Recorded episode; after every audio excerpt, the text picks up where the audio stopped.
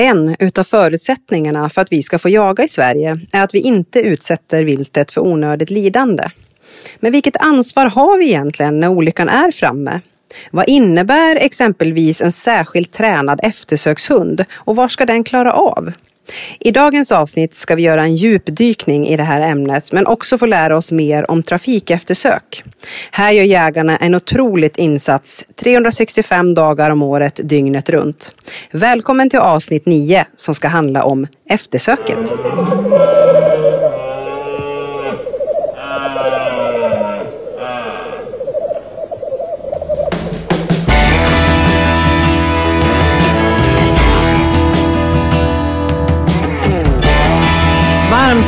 Välkomna kära lyssnare till avsnitt 9 där vi ska prata om eftersök. Ehm, det är ju en förutsättning för att vi ska få gå ut och jaga i Sverige idag. Så det är en otroligt stor del av vårt eh, jaktliga utövande. Sen är det ju också väldigt många viltolyckor som sker här i Sverige, över 60 000 varje år. Och de här tar ju faktiskt jägarna hand om. Jag tänkte att det är dags att vi går in på de här två olika delarna i detalj. Och för att göra det så har jag bjudit in två stycken gäster som har lång erfarenhet inom ämnet. Den ena gästen heter Erika Lindqvist och hon är eftersöksjägare inom NVR på Öland och är också engagerad medlem i Jägarförbundet. Sen har vi också vår egen riksjaktvårdskonsulent på Jägarförbundet, Daniel Ligné. Varmt välkomna hit idag. Tack. Tackar. Mår ni bra? Jättebra. Ja, men vad härligt. Jag tänker att Erika, du kan väl berätta lite grann för våra lyssnare. Vem är du och var bor du? Ja, det är jättekul att vara här. Eh, Erika Lindqvist heter jag som sagt och eh, bor och är aktiv på Öland. Eh, jag har tre hundar för tillfället. Fyrbenta familjemedlemmar då. Det är två strävåriga fostrar varav den ena bara är ett halvår än. Spännande. Ja, mycket spännande. Alla som har haft strävårig foster vet att den åldern är någonting. Eller fågelhund generellt, ja, tänker jag. Det, det är en ålder att frukta och Jajamän. att minnas med glädje sen, mm. senare. Eh, och sen har jag också Basset Hound då, en liten teckla här som är eh, mina eftersökshundar. Jag bor ju med min familj som eh, tack och lov så är min sambo också då engagerad eftersöksjägare. Det är mycket lättare att få förståelse för det man håller på med. Eh, och så har jag en tös då på tio år som bor hemma också. Mm. Och två vuxna barn.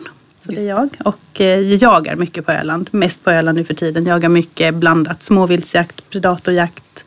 Jag har fastnat för det lite så här. Jag tänkte säga på ålderns höst men det kanske var lite väl dramatiskt. Men ja, det var det. Ju, ja, ju äldre man blir där tänker jag så har man fastnat lite mer för småviltsjakten. Jagar mycket på det. Rådjur, hare, räv och fågel. Mycket fågel. Vad roligt. Varmt välkommen hit idag i alla fall, ända från Öland. Tack. tackar vi för. Och Daniel, berätta lite. Ja, Daniel Ligné har den mycket mossiga titeln riksjaktvårdskonsulent. kan man ju fundera vad en sån sysslar med. Eh, men jag är då ansvarig eller chef över den del av Jägarförbundet som sysslar med jakt och viltförvaltning. Det är allt från ripor i fjällen till vargarna till exempel, sälar i haven, älgar, vildsvin och så vidare.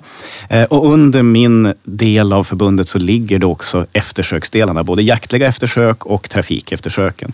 Eh, jag är lite extra glad för att vara här idag, för eftersök är någonting, det var faktiskt eftersök som gjorde att jag började med jakt. Där ser man. Det var när jag var, kan jag ha varit, tio år gammal. Eh, så var det ju den älgexplosionen då, när det, när det var älg som skuttade ur varenda buske. Inte som dagsläget med andra ord. Helt annorlunda faktiskt. Tvärtom. Ja.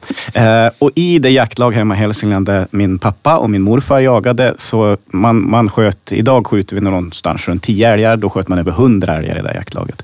Eh, och då reagerade jag som liten parvel på att det här med eftersök var ingenting man verkade syssla med. Man gick fram och tittade och nej, det var inget blod, vi skjuter nästa älg istället. Eh, och vi hade drevrar i familjen då.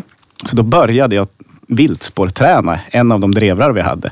Eh, och ganska snart så upptäckte man att den där lilla pojken Daniel, han hittade faktiskt älgar som vi trodde var oskadade. Så jag var, tog ledigt från skolan hela älgjaktsveckan, första älgjaktsveckan och fick då eh, åka runt. Jag fick en särskild chaufför för jag hade inte körkort ens. Just det som skjutsade runt mig och spårade älgar. Eh, så kom jag in i det här. Eh, sen blev jag viltspårdomare och började också ha kurser i eftersök när jag var sådär en 15, 16, 17 år. Sen dess har eftersöken varit med mig och när jag började jobba i förbundet så var jag faktiskt ansvarig för det vi ska prata mycket om idag tror jag, NVR, Nationella viltolycksrådet. Alltså de som sysslar med eftersök efter att vi med tåg eller bil har kört på vilt. Så jag var med till exempel då när vi började få ersättning för det här. När jag började då gjorde man det här helt ideellt och betalade bensin och mm. ammunition och hundmat och allt vad som nu går åt för att hålla en, en ja. eftersökshund. Ja. Eh, så det, det, har varit en ganska spännande resa och den har definitivt gått åt rätt håll. Sen har jag också jobbat mycket internationellt eh, med bland annat just eftersök och, och har då blivit varse att vi, vi är väldigt, väldigt bra, om kanske inte till och med världsbäst på eftersök i Sverige. Mm. Eh, och vi är väldigt noga också med viltets väl och ve. Själv har jag just nu då eh, lajkor, jag har tyska jaktterriers, jag har vaktelhundar och labrador. Eh, och alla är då tränade för eftersök. Därmed inte sagt att jag fixar alla eftersök. Det finns fortfarande eftersök där jag behöver hjälp. Men jag försöker hålla mig med så mycket hundar det bara går för både jaktliga eftersök och trafikeftersök. Mm. Ja, det finns ju helt klart många delar och vinklar i det här som vi tänkte att vi ska grotta ner oss i, så vi ska ta en sak i taget. Men ska vi börja där lite grann? Du, du sa eh, NVR och eh, Nationella viltolycksrådet. Kan vi bara, vad är det för någonting? Vilka är de och vad är deras syfte? Ja, från början när jag började i förbundet, då hette det Trafikeftersök i samverkan eh, och var liksom en, en, klubb, en diskussionsklubb kan man säga. De, de gjorde ingenting, de hade inget uppdrag egentligen av, av staten Sverige eller regeringen. Eh, och, och, därifrån har det då utvecklats till Nationella viltolycksrådet som är ett råd på både nationell och regional nivå där olika organisationer ingår.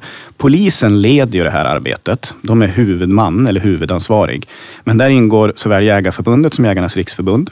Där ingår eh, till exempel då stora försäkringsbolag som har stora kostnader för viltolyckor. Där ingår SOS som ju ofta är de som tar emot samtalen.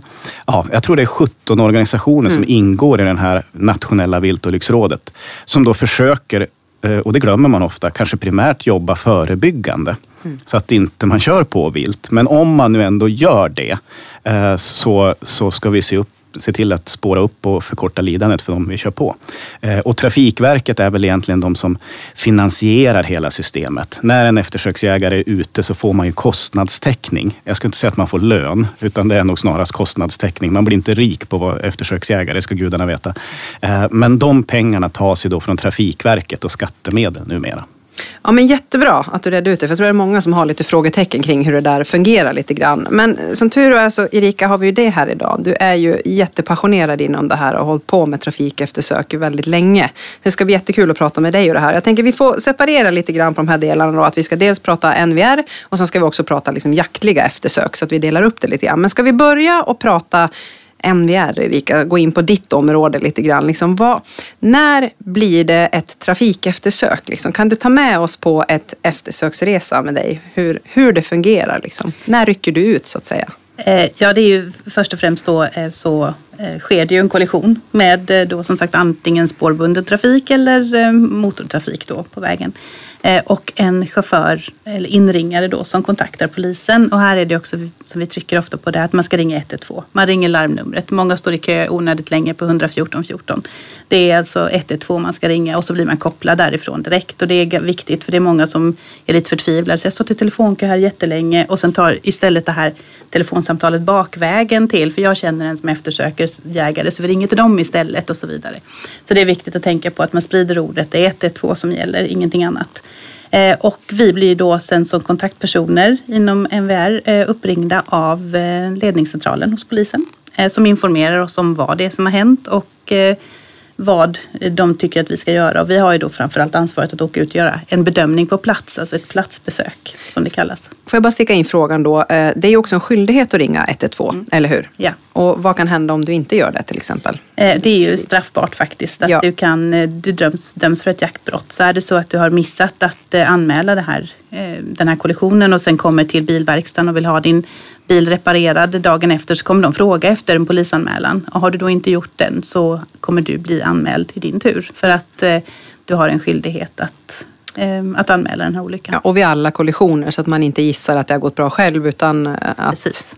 Precis. Absolut. Det är, eh, ja, precis. Så att, eh, och det är ju då när vi blir utringda som kontaktpersoner, eh, då ska vi göra en bedömning på plats. Det är vårt första uppdrag. Eh, många gånger så kanske djuret ligger kvar eh, dött på platsen eller skadat och då är det vårt uppdrag att avliva djuret. Eh, eller så har djuret lämnat platsen och då gör vi bedömningen och vi, då bör vi ringa ut en eftersöksjägare istället. Så då tar man ett steg till i eh, i processen. Så att eh, det är så det ser ut. Alltså det går från bilförare till SOS Alarm som tar det till ledningscentralen hos polisen och sen vidare då till kontaktperson, eftersöksjägare. Och sen har vi en återkoppling efteråt och också en väldigt viktig, viktig återkoppling att vi kontaktar markägaren också eller jakträttshavaren där den här olyckan då har hänt för de har också rätt att bli informerade om detta. Ja. Och ni är väldigt många och ni finns ju i hela Sverige och det är ju över som sagt 60 000 eh, viltolyckor som sker varje år. Ja. Det är mycket tid. Man räknar med att det är ungefär en viltolycka var åttonde minut, ja. säger man. Eh, och vi är cirka, det är väldigt mellan tummen och armbågen, men cirka 5 000 eftersöksjägare, kontaktpersoner som håller på med det här. Eh, så det, blir, det ser olika ut över landet och det är väldigt olika över perioder också hur, de här, hur frekventa olyckorna är. Precis. Men vi pratade om det här och man säger att man tänker att ja, man lever i sin egen bubbla när man håller på med det här och räknar iskallt med att alla människor vet vad vi pratar om och vad vi håller på med. Men så tänker vi att vi är 10 miljoner plus människor i Sverige. Eh, varav 600 kanske jagar och löser jaktkort. 600 000 givetvis.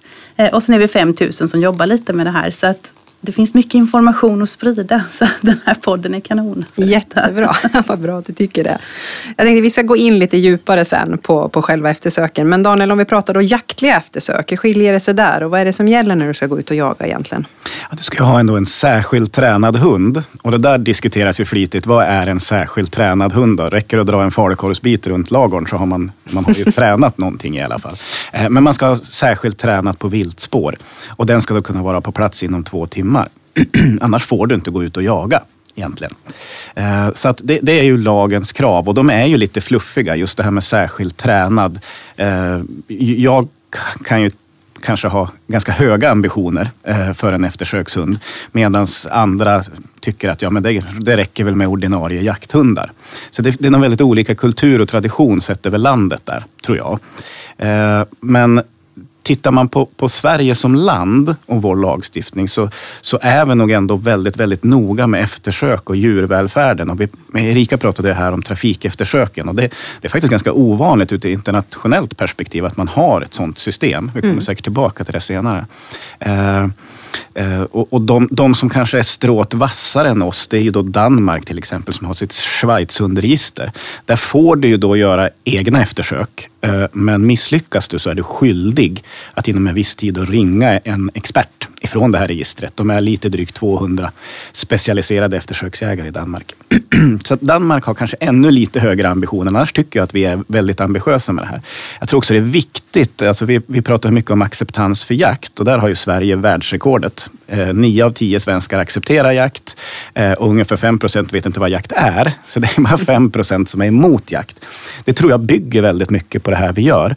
Eh, och, och jag brukar också säga att den, den verksamhet som exakt alla acceptera att vi sysslar med, det är trafikeftersök. Man kan tycka jakt är jättedåligt att vara en aktiv jaktmotståndare, men ingen tycker att det är dåligt att rika rycker ut och förkortar ett rådjurslidande. Det är alltid okej. Okay. Så att det här är liksom den, den den verksamhet som vi kan vara allra mest rakryggade över. Mm. Eh, sen, sen, har vi utmaningar när det gäller eftersöken. Jag har jobbat med eftersök nu i Jägarförbundet ganska många decennier. Eh, och det har hänt mycket sedan dess. Vi har börjat jaga stora rovdjur, björn. Det har varit en ganska guppig resa. Från början var vi inte så bra på att göra eftersök på björn.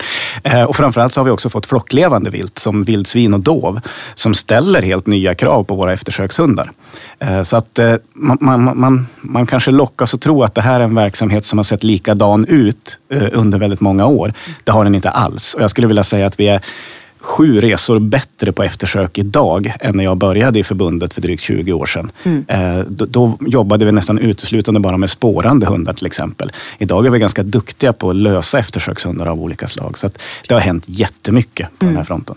Och jag tänker också, vårt avlånga land ser ju väldigt olika ut. Jag tänker bara på uppe i norra Sverige när det gäller eftersök. Där är det ju lite mer isolerat vilka viltarter det är och oftast ett väldigt snödjup. Hur ja. löser man det? Ja, tittar vi på trafikeftersöken i norra Sverige till exempel så görs en ganska hög andel med snöskoter.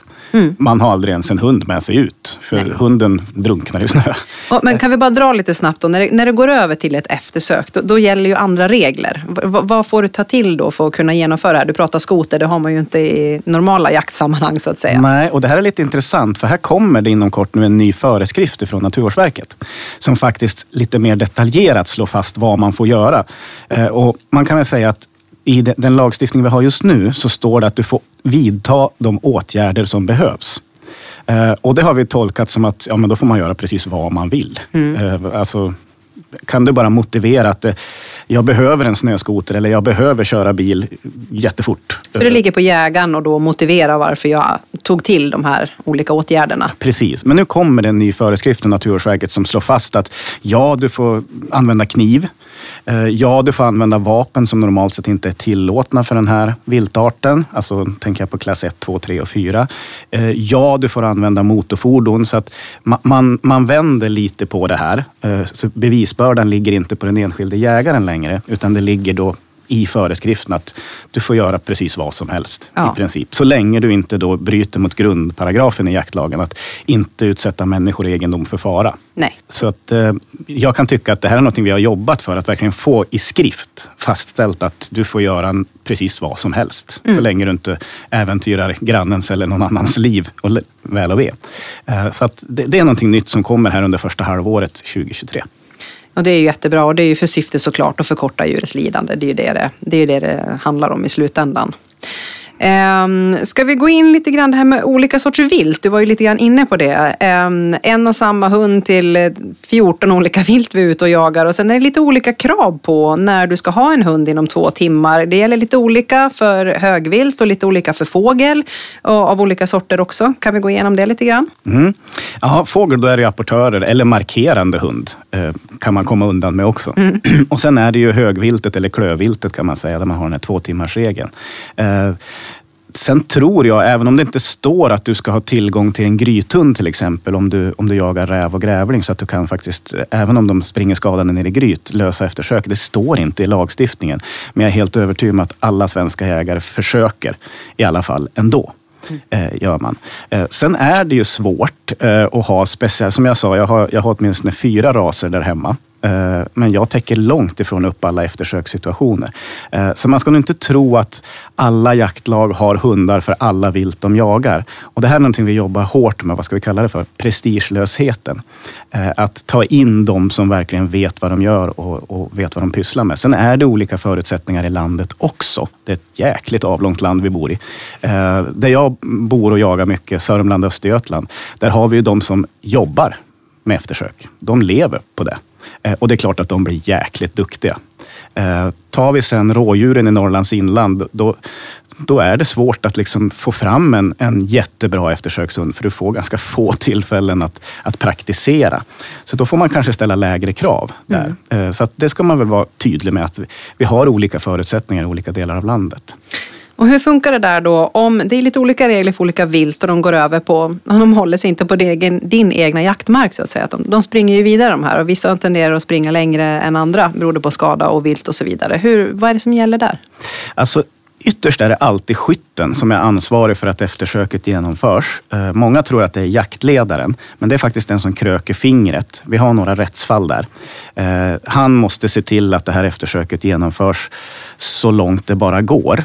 Eh, och, och, har man inte hundar inom jaktlaget, ja då, då, är det också skytten som faktiskt är skyldig att hitta lämpliga hundar. Eh, sen ska man ju då om möjligt eh, informera jakträttshavarna på de marker där det här viltet går in. Men det är också så att där har vi också ett antal rättsfall där man, om det inte är möjligt, du kanske inte har mobiltäckning till exempel, eller att du ser att älgen står och vinglar 200 meter in på grannmarken. Då får du faktiskt gå in på grannens mark och avliva det här viltet och sen i efterhand informera jakträttshavaren. Eh, vilket jag tycker är en väldigt bra regel. Man sätter viltets väl och ve framför någon sorts eh, rättvisetänk eller informationsplikt. Eh, men om du kan och du har mobiltäckning så ska du alltid informera eh, grannjaktlaget och det är också en säkerhetsgrej. Det är ju bra om de vet att du jönsar runt där på deras marker. Samverkan är väl alltid bra tänker jag. Det är till och med bra att höra av sig innan och säga att vi tänkte jaga på lördag, ska ni också ut? Mm. Man kan ju till och med börja där så, så har man det uppgjort redan innan om någonting händer tänker jag. Absolut. Så mer kommunikation brukar väl alltid hjälpa där.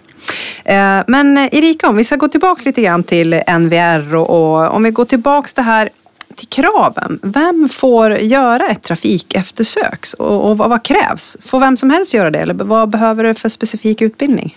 Eh, för att man ska vara ansluten till MVR, eh, vi kan börja säga, eh, polisen säger att de vill ha en färdig eftersöksjägare.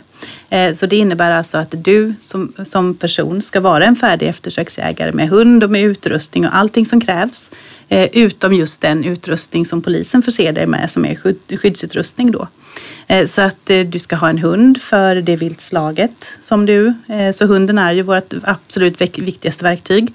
Så det är en hund som fungerar, som är tränad, som Daniel sa innan här, då, tränad för ändamålet.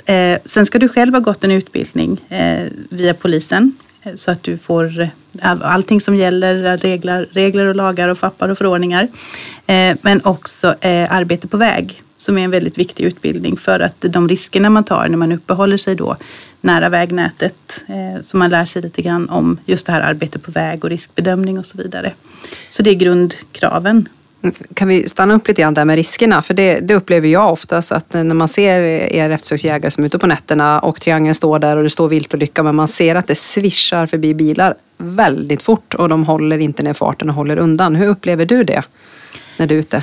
Ja, det, det kan vara väldigt obehagliga situationer eh, och vi är väldigt tydliga med eh, att, upp, att vi försöker att uppehålla oss på vägen så lite som bara möjligt är. Och vi har väldigt tydliga instruktioner på hur man ska förhålla sig till var man ska parkera sina bilar och hur man ska varna för att vi finns där. Och vi har ju vår skyddsutrustning då med våra tält, viltolyckstält och markerade bilar och vi har ju blixtpuckar och så vidare så att vi verkligen ska synas och egen skyddsutrustning. Eh, men det, det, är en egen riskbedömning och det är många gånger man har fått avbryta. Jag som håller till på Öland och kan mm. säga att så här, midsommarafton eh, mellan Ölandsbron och Borgholm är ingen jättehöjdare under vissa. Utan det kan mycket ju vara trafik. Så, ja, jättemycket trafik. Och då kan det vara så att man faktiskt får avbryta det här för att det är inte heller ett alternativ att ringa ut polis att få hjälp att spärra vägen för då skapar man ju ett stort infrastrukturproblem. Eh, utan då får man faktiskt avbryta sig att vi återtar det här när trafiken beräknas lugna ner sig om kanske fyra, fem timmar och så vidare. Så att hela tiden handlar det om att göra aktiva riskbedömningar för att man inte ska utsätta sig själv, andra bilister Eh, eller sina hundar eller liknande då för fara eller orsaka fler olyckor. Eh, men vi har ju alltid möjligheten att ringa ut eh, assistans i form av blåljus om det skulle behövas. Att man bedömer situationen vara så farlig så att vi faktiskt behöver spärra av en väg. Då, då gör vi det och de kommer alltid så fort de kan. Så att det är en väldigt god kommunikation. Ja men jättebra. Det var ju skönt att höra. Mm. Ja men då går man den, den utbildningen i alla fall. Och sen vad, vad, mer behövs då så att säga för att få bli eh, Det är ju så att eh, när man som eftersöksjägare så de blir ganska tajta många gånger de här eh, grupperna eh, som tränar mycket ihop och lär känna varandra och så vidare. Och det är också för att vi ringer ju varandra mitt i nätterna. Eh, det här prestigelösheten som vi pratade om, man kan behöva backning av en ytterligare en hund och man vet ju att man ringer och väcker någons familj när man ringer och sådär. Så, där. så det är att man kommer in i ett gäng och har goda relationer med dem är ganska grundläggande och att man har god lokalkännedom på den platsen där man finns. För att det kan uppstå ganska farliga situationer. Det är nybyggnationer, man känner inte till markerna, du ska avlossa skott och så vidare. Du behöver känna till hur, eh, hur terrängen ser ut och ha god kontakt med markägare och andra Eh, ja, jakträttshavare och så i omgivningen. Eh, så att, att man har en god lokalkännedom är också väldigt viktigt. Men just eh, grunden är den här utbildningen med arbete på väg och eh, den utbildningen man får av polisen. Men sen brukar en del använda sig av lite nästan fadderverksamhet. Att man följer med in eh, i den här, du blir godkänd men du tar inga egna uppdrag utan du följer med och blir lite inskolad då utav andra ekipage som har hållit på länge. Och det här är det viktigt att säga också att det, det, är ekipaget som ingår i NVR och det är därför också vi har ju då uppdraget att rekommendera ekipage till polisen. Sen är det polisen som formellt utser dem eh, och de slår väl i brottsregistret och kollar att man inte är en mördare yeah. eller någonting sånt. Eh, men annars går de alltid på våra rekommendationer och vi får ju väldigt ofta påringningar från från människor som har gått ett godkänt anlagsklassspår med sin hund och nästan kräver att få vara med i NVR. Och, och, det är väl en god början, men det är långt, långt, långt ifrån det som Erika beskriver då som ett färdigt eftersöksekipage. Eh, och ofta är människan väl så viktig som hunden. Hon, Erika beskriver här du måste göra en mängd bedömningar. Säkerhet, och vi pratar mycket om säkerhet för människor. Och vi har faktiskt haft ett tragiskt dödsfall av en trafikeftersöksjägare som dog vid arbete på väg. Eh, vilket är enormt tragiskt. Men eh, du ska ju också jobba med, ofta då kanske lösa hundar nära tätt trafikerade vägar. Så det, det, kräver också att du är jätteduktig på att bedöma situationen, känna din hund, bedöma skadan hos viltet. Alltså det är så många moment i ett trafikeftersök. Jag vet att vi jag var på en föreläsning på SLU, Sveriges lantbruksuniversitet, där man då tittade på olika, olika människor i samhället. Vilka tar flest beslut på kortast tid? Det är faktiskt skogsmaskinförare, stridspiloter och eftersöksjägare eh, som, som tvingas göra väldigt många bedömningar på väldigt kort tid eh, och, och, och ta korrekta beslut. Så att det här är ingenting som man liksom bara, ja men det verkar väl kul att göra trafikeftersök och så får man lite betalt dessutom. Eh, det håller inte. Nej. Utan vi måste verkligen titta på ekipaget och jag tycker det är en ganska listig konstruktion av staten Sverige att man ger då jägarna och Jägarförbundet möjligheten att säga, men vilka är bäst på Öland på det här? Ja, då pekar vi på Erika. Eh, så att det, det, är ingen annan som gör någon, liksom någon, någon bedömning enligt någon tabell. Nej. Utan vi säger att ja, men här, i det här området, där är hon eller han bäst. Ja. Men jag tänker någonstans börjar ju alla också. Vi behöver ju få in nya NVR i det här och precis som du nämner då Erika, det här med faddrar. Alltså allt inom jakt gynnas väl att man följer med en fadder. Att man får ta del av den här långa erfarenheten och hjälpa till att göra de här väldigt specifika bedömningarna eh, som jag antar kan vara ganska tuffa ibland Erika. Ja, och jag ska bara påpeka där också när vi pratar om det här att det är aldrig okej att ta med någon som är intresserad av eftersök ut på ett trafikeftersök som inte är godkänd av polisen. Utan det måste alltså vara någon som har blivit godkänd av polisen innan de kan följa med ut som fadder. Vi har ju ofta eh, journalister, reportrar som vill följa med ut men det är alltså inte okej. Okay. Och det är av försäkringsskäl och säkerhetsskäl för att det vi gör är ju faktiskt lite risker inblandat i också. Eh, men så ska jag säga precis på, på tal om det som Daniel säger här att det många som när man ringer så har man en bild av vad en eftersöksjägare gör i trafiken och att man får jaga väldigt mycket och vara ute mycket och träna sina hundar och så. Eh, och det här lägger vi locket på väldigt för vi tränar inte hund i MVR. Vi har färdiga hundar i MVR som vi använder. Det är inte träning eh, och det är väldigt lite jakt inblandad i detta utan det är ofta det handlar om rena avlivningar som inte alls är speciellt eh, trevliga. Det, många gånger så handlar det om att vara inne i en tätort på Öland då som jag kommer prata mycket om. Ni kommer tröttna på Öland här inte nu. Inte alls, men ni tänker er själva kanske så här 24 juli en lördag på en camping på Öland eh, och du har ett trafikeftersök med ett rådjur som går påkört genom en grillande camping och sen så ska man efter med hund. Och, alltså det är många sådana här situationer. måste vi bli duktiga på att prata med människor, att förklara det vi gör och som Daniel säger, ta snabba beslut. Eh, för att här kanske vi får bryta mm. och av, avbryta det här eftersöket och ta upp det om ett par timmar igen när grillkvällen har lagt sig lite och ta vid på ett annat ställe och sådana saker. Det, det är många andra bedömningar som inte är rent jaktliga utan mycket säkerhetsaspekter, mycket människor inblandade. Vi kommer ofta före räddningstjänsten på plats eftersom vi är så lokala och det kan vara väldigt chockade människor. Det kan ibland vara skadade människor också där vi också får göra den här bedömningen att här går inte viltet först, här går människorna först som sitter i bilar och är chockade. Det eh, skulle vara ytterst olämpligt att gå fram och avliva en älg när det sitter en chockad person i en bil och väntar på ambulans. Eh, utan vi måste göra de här bedömningarna och hela tiden göra prioriteringsordningar där eh, faktiskt viltet då kommer vara sekundärt. För det handlar ju om människor och människors väl och ve först och främst och i nästa led så är det ju då det vilda och att förkorta lidandet för det vilda som kommer. Såklart, verkligen. Men jag tänker på det här, du säger att man ska ju vara klar och godkänna en vädrare och få gå ut. Och du säger då är det ju, då, vi tränar inte hundar utan vi har färdiga hundar. Men hur kommer man dit då? Hur får man de här fantastiska hundarna som är så duktiga och blir rekommenderade av Svenska Jägareförbundet att det här ekipaget, de här kan vi lita på, de vill vi rekommendera. Hur, hur skulle du säga, att, vart ska man börja om man verkligen vill bidra och är intresserad av det här? Eh, var ska man börja? Det är ju att gå utbildningar med sin hund. Eh, alltså ta ren spårskolan helt enkelt. Eh, följ med eh, eftersöksjägare som tränar. När man, hur gör man när man lägger spår? Hur tänker ni när ni eh, och framförallt, vad är det för hund du har? Vad är det du tänker dig att du vill göra med den här hunden? Det är jättestor skillnad på om du ska göra eftersök på älg, vildsvin eller om du gör eftersök på rådjur till exempel. Det är två helt olika hundtyper. Väldigt grovt generaliserat kan vi säga att vi har hundar som spårar i lina mycket. och hundar som är lösa mycket. Eh, och bland löshundarna så är det ju då hundar som ställer älg och så vidare, vildsvin och hundar som går i kapp och river ner eh, som på rådjur och dov till exempel.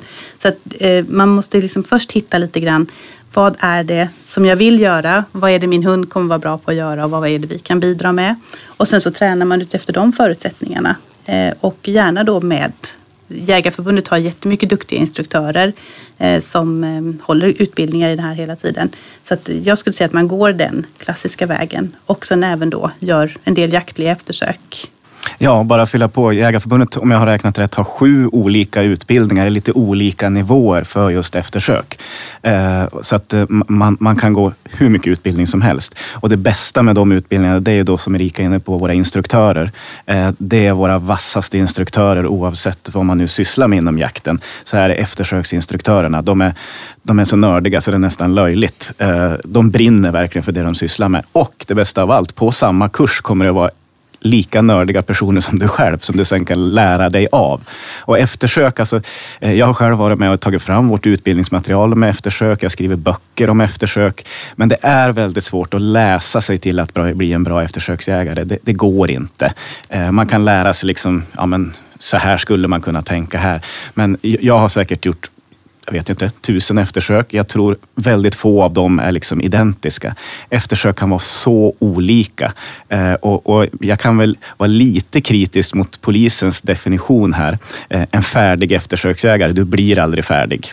Det Just enda det. du lär dig är att du kan mindre och mindre, höll jag på att säga. man, man lär sig att det, det, det är Som all jakt egentligen. jo, men din hund är en individ. Viltet som är påkört eller påskjutet är en individ. Du har väder och vind, du har tid på dygnet, du har form hos dig själv, form hos hunden. Alltså, det är så mycket som kan variera. Eh, så att, eh, att du kommer liksom aldrig att ha en situation där du har facit redan när du står på skottplatsen eller olycksplatsen, utan det kommer att hända saker längs resans gång. Så det är väl vad jag har lärt mig efter att ha jobbat med eftersök i drygt 30 år, att jag kan jättelite. Ja. Och sen kommer ju som sagt nya viltslag in i nya län också så man får lära sig spåra på ett helt nytt sätt och kanske behöver nya egenskaper hos hundarna också för att få fatt på det där viltet. För det beter sig så pass olika vid olika sorts skador också, kan jag tänka mig. Mm. Och det var ju jätteintressant. Det var jag faktiskt med på, eller jag var ansvarig för den verksamheten. Jag tror det var 2007 eh, som en tredjedel av de påskjutna björnarna inte hittades. Eh, och det blev väldigt mycket kritik mot björnjakten. Det var bland annat då vi, vi hittade på björnpasset, alltså det här specifika skjutprovet för björn. För vi tänkte att de kanske är dåliga att skjuta. Eh, och det kanske några var.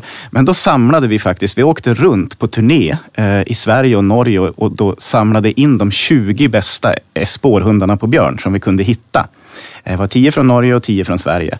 Eh, och så åkte vi upp till Orsa eh, och fick då möjlighet att testspåra sändarförsedda björnar. Och den som tog rekordet den sommaren, det var en labby från Örnsköldsvik. Den spårade hela 217 meter innan den snyggt vek av och valde att spåra någonting annat. Majoriteten av de här 20 hundarna de tog inte ens an björnspår. Och det skulle vara Nordens bästa hundar. Och då insåg vi att ja, det ligger nog en del björnar inte så långt ifrån skottplatsen och ruttna bort. Så då började vi systematiskt träna eftersökshundar. Eh, I höstas hade vi en rekordstor björnjakt. 600 eh, björnar eh, och nästan ingen Eh, påskjuten, ej återfunnen. Så att vi har ju gjort en jäkla resa här på bara några få hundgenerationer. Eh, men, men det visar ändå, när det kommer ett nytt vilt, ja då måste man vara lite open-minded och faktiskt eh, titta, och fixar vi det här? Nej, det gjorde vi nog kanske inte i björnfallet 2007 och då måste vi riktat börja träna hundar. Idag har vi hundar som förföljer björnar i dygn om vi vill det. Eh, så att vi, vi, vi, blir ju snabbt mycket bättre. Men vi har ju björnen är ett nytt vilt, vildsvinet är ett relativt nytt vilt som är utmanande att eftersöka. Dåviltet är nytt för många av oss, också ganska pilligt att göra eftersök på eftersom det kan vara liksom 30 stycken i ett gäng. Eh, och vi vill att hunden ska skilja ut det som faktiskt är skadat och kanske lätt skadat bara. Så vi har fått många nya eftersöksutmaningar bara de sista 10-15 åren.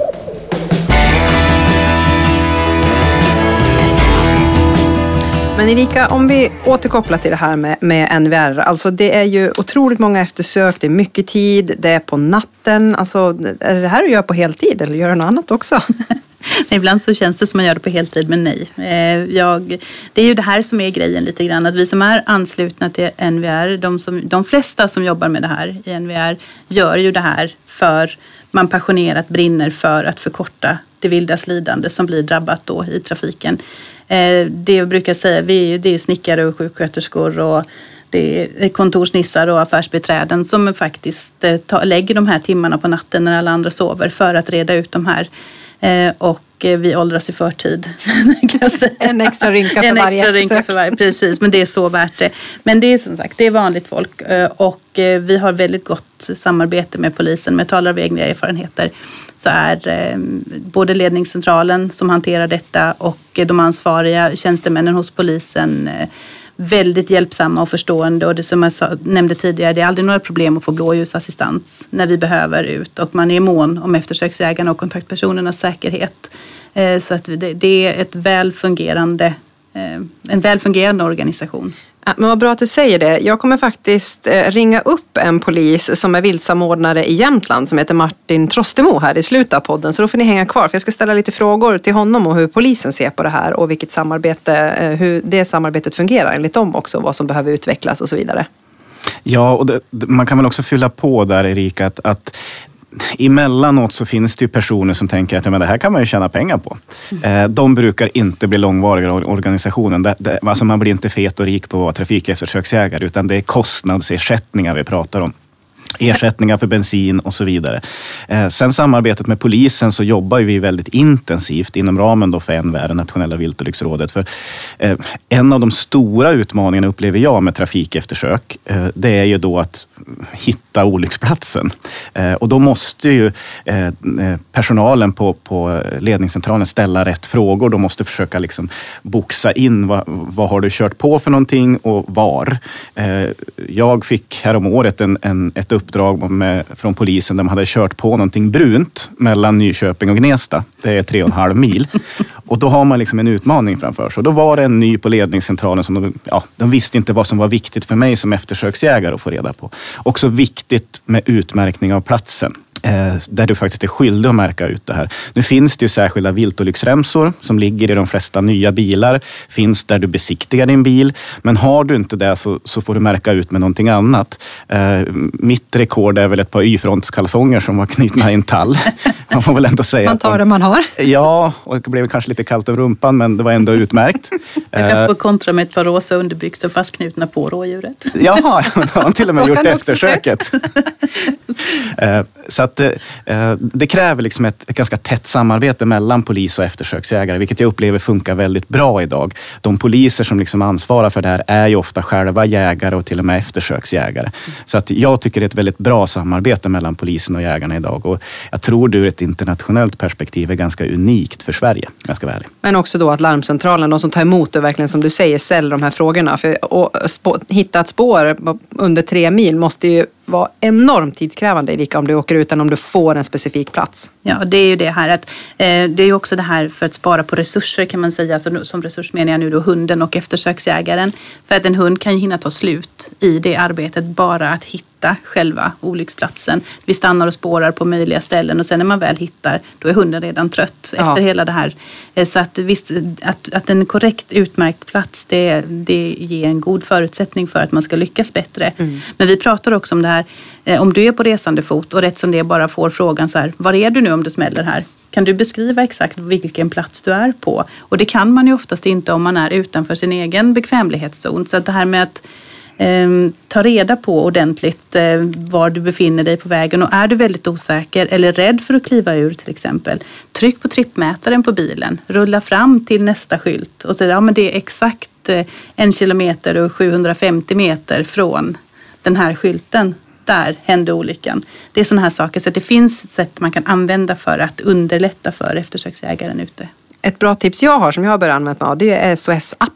Ja. Som man kan ringa upp i som får min exakta position därifrån jag ringer. Och då tänker jag då, då borde det lösa sig lite självmant också. Behöver jag inte ens använda trippmätaren. Även om det är också ett jättebra ja. tips såklart. Jo, och det, det, tror jag är en av de viktigaste egenskaperna hos en bra eftersöksägare, att man är naturligt skeptisk. Man behöver inte vara dum eller elak. Men både vid trafikeftersök och jaktliga eftersök så, så är det ofta, som Erika var inne på tidigare, det är en ganska traumatisk händelse, en ganska stressande händelse.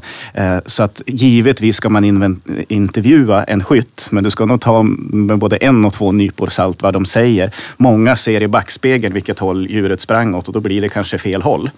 Eh, Eh, Eh, och, och det, det, kommer vi till sen, men, men jag tror också det som gör en riktigt, riktigt bra eftersöksägare är att de törs lita på sin hund. Jag hade ett eftersök så sent som i helgen där tre gånger sprang skytten i kapp mig och sa ni är fel. Och så började vi om. Vi var helt jäkla rätt. Ja. Han hade 180 grader fel. Uh, så att, att, det finns några sådana där oskrivna gyllene regler för eftersöksägare. Och det, en av dem är att vara naturligt skeptisk och, och lita mer på hunden än den som har kört bilen eller tryckt på avtryckaren. Det är nog många som känner igen sig det. Jag tänker speciellt också dig Erika som gör så många trafikeftersök, eller? Ja, man kan ju också förstå på ledningscentralen ibland, och där tycker jag de sköter det väldigt bra när de ringer upp och säger så här, den här personen behöver du ringa och prata med för att eh, beskrivningen är Jönssons gamla lada som brann 52. Där skedde olyckan. Och det är det här med att ha god lokalkännedom, men inte ens jag vet var Jönssons nedbrunna lada ligger. Utan då måste man få tag i den här personen för att kunna prata då, för att hitta rätt ställe. Så att, att ta kontakt, men precis som Daniel säger, att med en stor hälsosam nypa salt. För att många gånger så kan det vara så att djuret ligger dött. De har sett djuret gå iväg men det är ett, ett annat djur de ser gå iväg och så vidare. Det är ofta fler djur med i samma gäng som blir i en kollision och så vidare. Så att, eh, att lita på hunden och att eh, sunt förnuft i det här är, kommer man långt med. kommer man väldigt långt med. Eh, men du, lite så om befogenheter och skyldigheter och så vidare. När du gör trafikeftersök så har du lite mer befogenheter kan jag tänka mig. Och röra på mig över de här med markgränserna som vi har pratat. Vad är det, vad är det som gäller där? Eh, det är ju så att eh, till skillnad från det vi pratade om innan då när man måste kontakta eh, markägaren. Så när du är på ett trafikeftersök på uppdrag då av polisen så har du rätt med västen på så att det syns att du tillhör organisationen, att du är i skyddskläder. Så får du gå in på andras marker och avliva djur. Att spåra över en mark och in på ytterligare en mark och avliva ett djur där. Därför att vårt mål här är att avliva ett djur, alltså att förkorta ett lidande eller att bedöma djuret som friskt då, vilket utav det nu är. Men eh, att det här måste man inte stanna i markgräns och ringa till eh, markägaren eller jakträttshavare utan här har du då rätt att eh, gå på och sen efteråt så sköter man den informationen. Och här är det också viktigt då att, att, att för att få vara med i den här organisationen och göra trafikeftersök så ska du då ha viss skyddsutrustning, det som Erika pratar om, västen. På västen har du då också ett ID-nummer. Så skulle någon bli väldigt, väldigt skeptisk eh, och säga att det är någon konstig filur med vapen och smyger runt min altan, eh, så kan man då ta ett ID-nummer och säga, ja men hon är faktiskt utkallad på ett eftersök med det här händelsenumret. För allt som rapporteras in till polisen får ju då ett HR-nummer, ett händelsenummer. Eh, och har man ett sånt, man har sin väst med sitt ID på, då är det bara att knalla runt precis var som helst. Utom då i detaljplanlagt område, alltså när du är inne i tät bebyggelse, då kan du behöva ett skottlossningstillstånd från polisen. Eh, det är inte bara att börja skjuta hej vilt inne i, i villaområdena, utan då, då kan du behöva ett särskilt skottlossningstillstånd, mm. vilket polisen ger direkt. Bara du, du kan liksom säga, ja men nu är jag här i villaområdet. Eh, rådjuret vinglar runt framför mig, så får du skottlossningstillstånd. Så det är inte svårt att få så, men då måste man ha ett särskilt tillstånd. Men om vi pratar, gå in lite grann på det här med utrustning igen då. Eh, om vi pratar, eh, börjar med dig Erika när det gäller MVR. Vad har du med dig ut? När du går ut på ett trafikeftersök och det blir ett eftersök som har gått iväg. Vilken ut, vad har du på dig? Vad bär du med dig och vilka hundar har du med dig? Eh, som sagt var, jag, nu, nu, nu är vi på Öland igen då, så mm. oftast, så han, nästan alltid så handlar det om rådjur. Eh, så att eh, skyddsbyxor och sådana saker blir oftast inte aktuellt då. Utan, eh, här, ah, jag använder den utrustning som polisen har delat ut till mig, vilket då är västen. Eh, det är eh, huvudbonad, benreflexer eh, så att man ska synas ordentligt och vi använder då tält för att markera ut platsen så vi syns och hunden har ett reflexhalsband också med MVR eh, och pannlampa. Eh, och sen så har man ju då med sig eh, bössa, oftast hagelbössa i vårt, eh, område. Så är det väldigt sällan som vi använder studsare. Det är också så att vi bor på ett ställe som har kalkstensplattan uppe i dagen och eh, det är inte eh, lämpligt att använda kula många gånger. Så att det är hagelbössa och så är det kniv. För att jag skulle säga att i i alla fall 50-50 procent av fallen så är det med hund och kniv som man utför den här avlivningen. Då, att man avfångar djuret på det viset. Eh, man, det är där den här missuppfattningen är att man får jaga mycket och skjuta mycket. Det är, ofta så handlar det ju alltså om avlivning med eh, avlivning då, eller med hjälp av hund.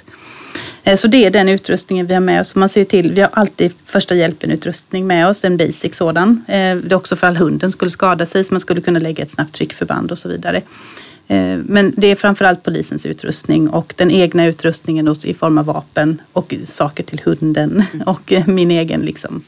Jag tänker du borde väl ibland ha kanske en energibar och någon energidricka med dig för det, ett, ett trebent rådjur kan springa ganska långt, eller hur? Mycket kaffe går det åt och mycket vatten till hunden. För sommaren kan man säga att en hund orkar. Man, man läser ibland om, om man spårar många mil och så vidare. Men en sommar eftermiddag eller kväll på Öland. Det kanske är 26 grader varmt och det har varit torka i en månad. Du får också bära med dig ganska mycket vatten till din hund. För att hunden överhuvudtaget ska orka genomföra det här så får du släpa med dig petflaskor med vatten i ryggsäck och då går det åt vatten till en själv och så vidare. Så det är mycket sån här bedömning. Det ingår ju också i riskbedömningen. Eh, väder, är det snö, är det varmt, vad behöver jag med mig för hunden, vad kan hända här? Man gör ju hela tiden en aktiv riskbedömning inför varje uppdrag. Så varje uppdrag är ju unikt på det viset. Ja, och jag skulle vilja tillföra det batterier. Gud vad batterier man behöver. Eh, till hundpejlar men framförallt och till belysning. Vi gör ju ofta eftersök när det är mörkt. Sen någonting som många inte tänker på tror jag, men som jag nu när man börjar bli lite till åren sådär, så märker man det handgripligen. Att när du jagar eller när du är ute och går i skogen, då väljer du själv vart du ska gå och kan liksom välja att gå runt eh, stenar eller täta slybuskage eller vad det kan vara. När du spårar ett skadat vilt, oavsett om det är påkört eller påskjutet, så väljer du inte själv var du går. Det är vilt fältet som väljer var du ska gå. Och de är inte schyssta, så de går på jäkligt besvärliga ställen. Eh, och det ställer naturligtvis en massa krav på utrustning, kläder, kondition och så vidare. Så det är någonting som, som vi sällan pratar om, gör eftersök väldigt speciellt. Men gud vad du kan hamna på konstiga och blöta och täta ställen. Eh, och det är liksom inget, det är inget att välja på. Du, det är bara att följa det där spåret. Sen är det bara att bita ihop och hoppa i plurret eller träsket eller vad det nu kan vara. Mm. Så det gör ju eftersök väldigt speciellt och ställer ju högre krav än vid vanlig jakt. Men jag tänker där också i form av träning. Eh, ofta så är man ju bekväm och, och drar de här blodspåren och spåren och tunnorna i eh, lite fint väder, det är dagsljus på dagen och så vidare. Men realiteten är ju vadå, 90 procent i mörker.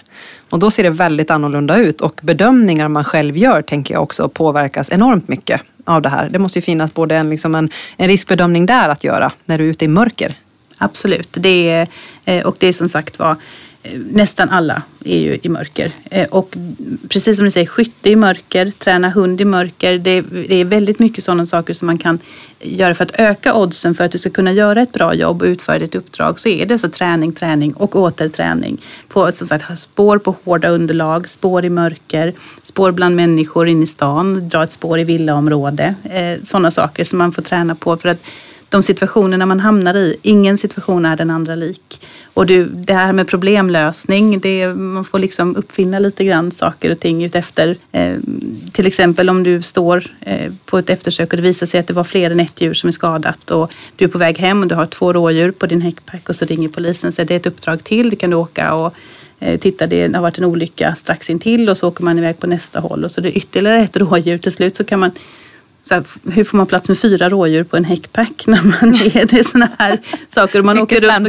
och knackar på hos markägare och säger hej, det här är ditt, på din mark som den här olyckan har skett. Nej tack, jag vill inte ha den och det är varmt ute och det här kan vi inte ta hand om. Och så, ja, vad ska vi göra av de här nu när ingen markägare vill ta hand om de här kadavren. Det är inte bara att lämna i skogen på Öland i värmen där det finns en människa i varje buske som bor i. Det blir ju ingen sanitär olägenhet ganska fort. Så det är sådana här saker. Det är många saker som man får liksom uppfinna längs vägen med de här. Så att eh, uppfinningsrikedom är en god egenskap hos eftersöksjägare. Fixar frasse helt enkelt ja, behöver man vara. MacGyver. Ja, men precis. Jag håller med där. Och, och, och jägarkåren i stort är ju väldigt tacksamma för jakthandeln. Vi är ju prylbögar deluxe. Eh, mer saker är alltid bra. Och den som har mest saker när han dör vinner. Eh, så, så tenderar ju kanske eftersöksjägare, nya eftersöksjägare att vara också. Men du behöver inte så mycket mer än en spårlina, din egen kompetens och hundens kompetens, en lampa och, och, då kommer man långt. Sen ska du alltid se till att du, kan, du har kontakt med någon för din egen säkerhet. Att det finns någon som vet att ungefär i det här området är Daniel och jönsar runt i mörkret nu. Eh, för du kan hamna i jobbiga situationer och då måste du kunna få hjälp. Eh, det jag kan tänka mig som jag Eh, har speciellt för eftersök. Jag gör, till skillnad från Erika, mycket eftersök med kulvapen. Eh, och då, då, går det åt ett kulvapen utan kikarsikte. så du måste kunna skjuta med öppna riktmedel. För som jag sa, det är inte du som väljer var du får gå. Det är viltet som väljer vart du hamnar. Och där du hamnar brukar det sällan vara bra med kikarsikten det kommer inte att synas mycket genom det efter ett tag. Så att det är väl det jag kan tänka mig, man behöver specialisera sig verkligen på att kanske ha ett särskilt vapen då för eftersök. Mm.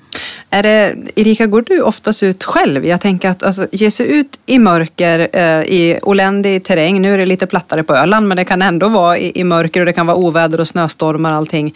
Hur, hur löser ni det? Vi försöker att vara två. Eh, och det, har, man har möjlighet att vara två. Så att vi som kontaktperson så försöker jag att biträda den eftersöksjägaren som jag eventuellt ringer ut på ett uppdrag som jag har fått. Eh, till exempel är det som jag säger midsommarafton, mycket trafik, då, eller om vi ska vara inne i ett tättbebyggt område, då är det bra att någon kan ta diskussionen med människor runt omkring så att eftersöksjägaren och hunden kan jobba på. Eh, och är det farligt väglag eller majsfält kan jag säga är en mardröm. Stora majsfält har man en tendens att kunna gå vilse i vare sig du har GPS eller inte. Eh, och att finnas där liksom vid, eh, vid vägkanten när hundarna går. Bara så att man ser att det står någon extra person ute när det är eh, ja, lite ovanliga, udda situationer. Och ibland som sagt var man kommer till en plats där människor är upprörda. Eh, det kan vara att människor är i chock som egentligen kanske när de tänker efter inser att det här djuret måste avlivas. Men Eh, i stunden vill inte att det ska hända för att eh, man är chockad helt enkelt. Då kan det vara bra att vara två. Att en person får prata med bilföraren och som förklarar vad som kommer hända medans ytterligare en person eh, kanske går och får avliva det här djuret eller gå in i skogen där djuret då har gått in. Så att det finns eh, mycket att vinna på att vara två rent säkerhetsmässigt. Eh, men visst går vi ut själva också, absolut. Ja, och det är någonting vi, vi trycker på hårt i våra utbildningar och vi har också sett i det här som jag beskrev med björnarna tidigare till exempel. Att, att vara två är väl, alltså då har man en högre uppklarande grad. Då har du hundföraren som kan stirra blint på hunden, fokusera 100 procent på hundens reaktioner, hundens markeringar och så vidare. Och du har någon som kanske har blicken lite mer vid horisonten och ser djuret om det har gått i sår ståläga innan det reser sig och så vidare. Så vi, vi, kan faktiskt mäta i de studier vi har gjort att är man två så blir man ett effektivare ekipage. Mm. Sen vill det till att man har en polare då som tycker det är jättekul att vara ute och, och, och frysa och klafsa runt i träsk klockan två på nätterna. Men det, det finns sådana. De finns ju som ja. tur är. Ja. Eh, men ska vi gå igenom lite grann det här, vi nuddar det här lite grann där viltet lägger sig. Eller där antingen du, ehm, eh, Erika, får avliva djuret och det hamnar ju på en mark. Eh, vem tillfaller det och det är liksom innanför jakttid, utanför jakttid. Hur fungerar det? Eh, det är ju markägaren eller då jakträttshavaren eh, som eh, det här djuret tillfaller. Och sen finns det ju de här lite, det beror lite grann på om det är älg utanför jakttid på älg eller om det är älg som blir påkörd fast det fortfarande är jakt på älg och så vidare. Är det statens vilt? Är det en örn som och så vidare. så det är väldigt mycket regler att förhålla sig till där. Men grunden är ju att markägaren äger äger djuret. Men när det är statens vilt och de här lite mer speciella vilten, då är det Naturhistoriska riksmuseet som vill ha dem till sig. Man kan ansöka som markägare om det är ett speciellt vilt då, att man kan ansöka om att få behålla det här. Mm. Men eh, det är inte alls säkert att att det går. Men annars är det normalt sett så är det ju eh, rådjur, hjortar, vildsvin, älgar så det tillfaller ju då mm. markägaren på den marken där. Eller jakträttshavaren som arrenderar jakten på den marken. Kan jag bara slänga in en, en annan fråga på tal om att hitta vilt, vare sig det är trafikdödat eller någonting annat Daniel. Vi pratar statens vilt och så vidare. Liksom, vilken, ska vi skicka in djur? För det, ibland dör ju djur av en anledning och det finns viktig data i det här som vi behöver ta hand om, eller hur? Precis, det finns ju då en lista och den listan reviderade vi här om året bara. Eh, på statens vilt. Det är till exempel alla rovfåglar är statens vilt. Utter är statens vilt. Eh, stora rovdjur till exempel också. Och hittar man dem döda så ska man som sagt anmäla det till polisen. Och Ofta så vill då Naturhistoriska riksmuseet ha in dem. Nu är några av de här arterna som är statens vilt ganska vanliga numera. När man gjorde den här listan var de jätteovanliga. Utter är en sån art som det går jättebra för. Eh, och vi kör ihjäl en hel del uttrar numera. Eh, och då börjar det bli fullt i frysarna på Naturhistoriska. Så då kan man som Erika sa ansöka om att man skulle kunna få behålla den här och stoppa upp den eller göra en mössa av den eller vad det nu kan vara. Vilket man ofta då får. Eh, sen är det så att, att är det till exempel älg utanför jakttid, ja då tillfaller det staten. Men staten alltså polisen vill ju inte åka ut och hämta älgar i högervarv, utan ofta så efterskänker man det här i alla fall. Fast det rent juridiskt och formellt faktiskt skulle vara statens, mm. så får markägaren ta hand om det. Man är ganska pragmatiska och praktiska där. Det känns som att vi är väldigt långt framme när det gäller eftersök, trafikeftersök i Sverige. Vi, tar liksom, vi håller en hög etik och moral och tar ett stort ansvar. Liksom. Men hur ser det ut i övriga Norden och Europa, Daniel? Ser det likadant ut där? Nej, det är något ganska vanligt när jag träffar eh, jägare eller medlemmar i Jägarförbundet. Att ja, men det här gör vi och det gör man väl i resten av världen också? Nej, gör man inte alls. Man gör det i Finland, man gör det i Norge, man gör det i Danmark och delar av Tyskland. Eh, men jag har två anekdoter eh, som, som beskriver hur olika det här är. Jag jobbade under en period i USA, Nordamerika, i några olika delstater där med viltförvaltning. Och där får du då inte ens använda hund vid eftersök. Det är osportsligt, tycker man. Eh, så lite fokus har man på viltets lidande. Så att eh, det här börjar bli ett problem när jag jobbade i Alaska till exempel. Eh, för det låg då mycket kadaver längs vägarna och framförallt örnar käkade på kadavren och så blev örnarna också ihjälkörda. Så att då införde man en ny lag som sa att det du kör på får du ta hem. Och så gav man ut en gratis kokbok för roadkills. eh, så att man bara skulle få bort kadavren från vägarna. Eh, inte en tanke på djurvälfärd. Det andra var 2006. Då var jag ansvarig just för NVR på Svenska Jägareförbundet. Eh, då hade BBC eh, det engelska statliga tv-bolaget, hade varit ute på reportageresa och bilen framför körde på en stor dovhjort. Eh, och det här hade de filmat och de körde ju av korset eller ryggen på den här hjorten så den drog sig på frambena in i skogen. Och det här blev ju värsta snackisen i England. Så då ringde de från det engelska jägarförbundet, BASK. John Swift hette han som ordförande och sa snälla, snälla Daniel, du som kan det här, kan inte du komma över och, lära oss att göra trafikeftersök? Så jag åkte faktiskt över till England några månader. Eh, vi delade in hela engelska vägnätet. Ja, men du tar den sträckan, du tar den sträckan. Vi, vi införde test för att se om hundarna var lämpliga. Vi hade skytteövningar i mörker och så vidare. Eh, så åkte jag hem och tänkte att nu får jag väl Queen Elizabeths eh, tapperhetsmedalj eller något sånt där. Vilken insats för djurvälfärden du har gjort Daniel. Men det var ju tomt i postlådan kom ingen jäkla medalj. Typiskt. ja, typiskt. Så tills var jag tvungen att ringa till dem och fråga, men, men hur går det? Och då hörde jag bara hur John då harklades några gånger och sa att nej, vi har lagt ner. Vet du. Eh, och det har ju att göra med framförallt då äganderätten där. Att gå in med hund och bössa på någon annans mark i England, det, det är med fara för liv och lem. Eh, så att det blev för många incidenter så man, man bestämde sig för att nej, vi lägger ner. Så att än idag i liksom djurskyddets vagga, England, där man verkligen är mån om djur och djurskydd, har man ingen sån här organisation. Så att det säger något, tycker jag, om hur, hur, hur det som vi tar för självklart är långt ifrån självklart i, i ganska civiliserade länder. Och ändå har vi gjort en ordentlig resa redan för, som du pratade om i början med björnarna här som du tog som exempel. Det känns som att vi blir ju vassare och vassare för varje år som går för att vi lär av varandra. Ja, precis. Och, och det, det, tror jag också. Eh, alltså vi, vi, pratade tidigare om det här med, med, att man får inte ha så mycket prestige. Du måste vara ganska prestigelös. Det, det tycker jag ändå vi, vi har blivit mycket bättre på eh, och blir stadigt bättre och bättre. Att vi tar hjälp av varandra. Vi kanske inte har någon skitbra eftersökshund i vårt jaktlag. Ja, men då kanske vi ska ha kontakt med någon annan, något annat jaktlag. Eh, och, och, när åteljakten på vildsvin blev vanlig så tyckte jag också man blev bättre på att liksom ha klart med, ja, men om det nu skulle springa av åt den här mitt i natten, kommer du och hjälper mig då? Ja, det gör jag. Sen har vi väldigt olika taktik. Jag har sysslat mycket med eftersökningar i Tyskland. Och där är man väldigt fokuserad på spårarbetet. Man låter ofta viltet vara i en 8-10 timmar så att det ska liksom dö i legan eller åtminstone ligga kvar i legan när man kommer. Så man är väldigt fokuserad på bra spårhundar och har otroligt duktiga spårhundar. Det är också därifrån Schweizhundarna eh, kommer och är framavlade.